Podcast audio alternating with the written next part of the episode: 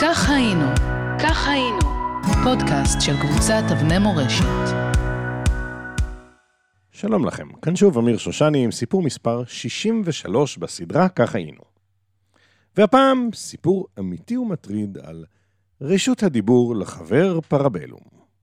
מוכנים? הנה זה בא.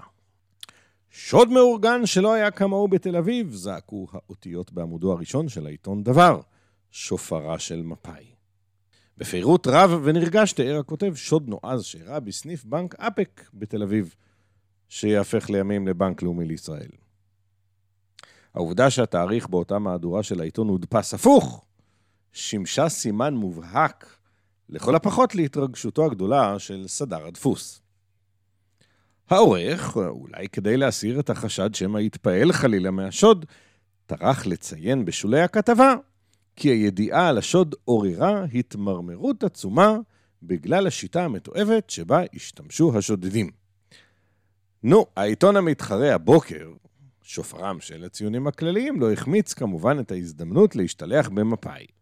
גם הוא, כמתחרהו המובהק, דיווח בהתרגשות ובפרוטרוט על השוד, אך מצא לנכון לצטט דווקא את האנקדוטה הבאה, משיחה שניהל לטענתו מנחם אוסישקין הגדול עם מנכ"ל הבנק אליעזר הופיין, כשנודע דבר השוד. באיזו שפה דיברו השודדים? שאל אוסישקין. בעברית צחה, ענה לו מי שענה. יפה יפה, המהם המנהיג הציוני המפאיניק. כך לפחות לטענת עיתון הבוקר.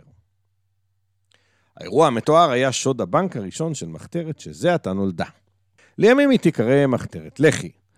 שיטת הביצוע שבחר מפקד השודדים, מר יהושע זטלר, אכן הייתה מתועבת, אם כי יש להודות שהייתה יעילה להפליא.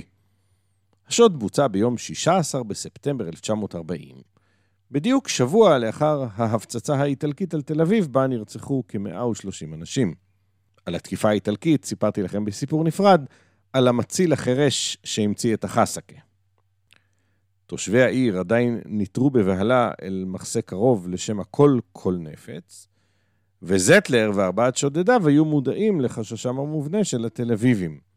הם הפעילו אפוא שלוש פיצצות דמה לפני שנכנסו אל סניף הבנק, וגרמו לכולם להימלט מהרחוב, במחשבה שהאיטלקים באו לעוד סיבוב מוות. זטלר נכנס לבנק והכריז, כאן נערכת החרמת כספים עבור המחתרת העברית בשביל לחימה לשחרור העברי. יחד עם ההכרזה הבטיח זטלר כדור בבטן למי שלא יציית להוראותיו.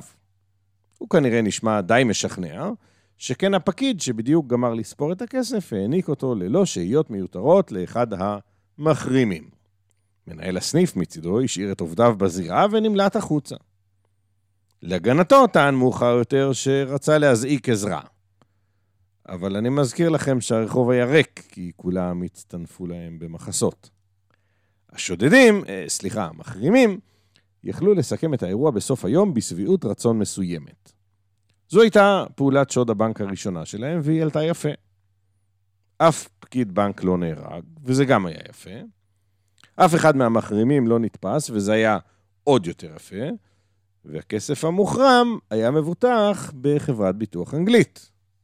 ואנחנו הרי יודעים שגניבה מחברת ביטוח לא נתפסת כדבר שלילי במיוחד, ונראה היה לחברי הלח"י שנפתח פה מבחינתם צינור חמצן כלכלי ומעניין. אמנם השמחה העיבה במקצת העובדה שהמשטרה תפסה את האופנוע בו נמלטו שניים מהשודדים עם הכסף. זאת במיוחד כיוון שהאופנוע היה רשום על שם המפקד יהושע זטלר עצמו, אבל הוא, זטלר, קיבל עליו ברצון תנאי זהירות מוגברים, בביטחון מלא של המשטרה אין קצה חוט שיוביל למחרימים. ברור שהוא טעה. תוך חודש התברר שהמשטרה יודעת בדיוק מי היו מעורבים בשוד ומה היה תפקידו של כל אחד מהם בכוח. פקודות מאסר יצאו נגד עשרות פעילים במחתרת, והם עברו שיכון מחדש מאחורי גדרות תיל, מי בלטרון, מי במזרע ומי בקלבושים של עכו וירושלים.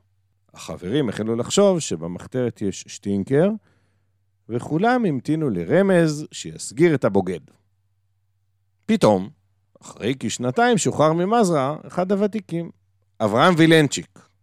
עד אז, הדרך היחידה לצאת מאותו מקום הייתה באמצעות בריחה. והשחרור הפתאומי של הבחור היה נראה להם מאוד מאוד מוזר. גבות הורמו ולשונות התלחשו, מישהו אפילו ציין בשפל קול שווילנצ'יק החצוף אמר לחברים שנמאס לו מחיי המחתרת.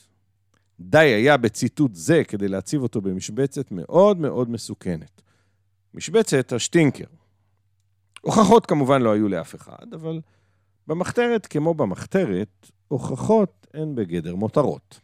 במחתרת הלח"י דרך אז כוכבו של אחד, אליהו גלעדי. מספרים כי אקדח היה נעוץ דרך קבע בחגורתו, ואת אצבעו הוא היה נוהג לנפנף מדי פעם באיום, בפעם הבאה זה ידבר. הוא נהג לאיים על מי שאימרה את פיו בעניין פעוט כגדול, בעודו מצביע על האקדח הנעוץ. בוקר אחד החליט גלעדי שהגיע זמנו של האקדח לדבר, והוא הזמין את חברו דוד בלאו לטיול. בים במ במ פיזם גלעדי לבלאו את הפקודה. את וילנצ'יק צריך לגמור. בלאו מיהר להעביר את הפקודה הלאה, ושני אנשים באו לווילנצ'יק הביתה. אחד אמר לאשתו שיש לו דיבור עם וילנצ'יק, אך כשזה יצא החוצה, התברר לו שאת הדיבור ינהל אקדח. כדור בלב העביר את אברהם וילנצ'יק האומלל לעולם שכולו טוב. והוויכוח האם הוא היה שטינקר עם להב נמשך עוד שנים רבות לאחר מכן. נשמע לכם חריג? ובכן, מסתבר שמשניתנה רשות לחבר פרבלום, הוצאו להורג לא פחות מעשרה יהודים על ידי ארגון ההגנה, 14 יהודים על ידי ארגון האצ"ל, ו-20 יהודים על ידי ארגון הלח"י. אחד מאותם מוצאים להורג היה אליהו גלעדי, זה שהורה להרוג את וילנצ'יק. את מי שהורה להורגו אתם בוודאי מכירים. שמו היה יצחק יזרניצקי. או בשבילכם, יצחק שמיר. כך היינו, כך היינו, פודקאסט של קבוצת אבני מורשת.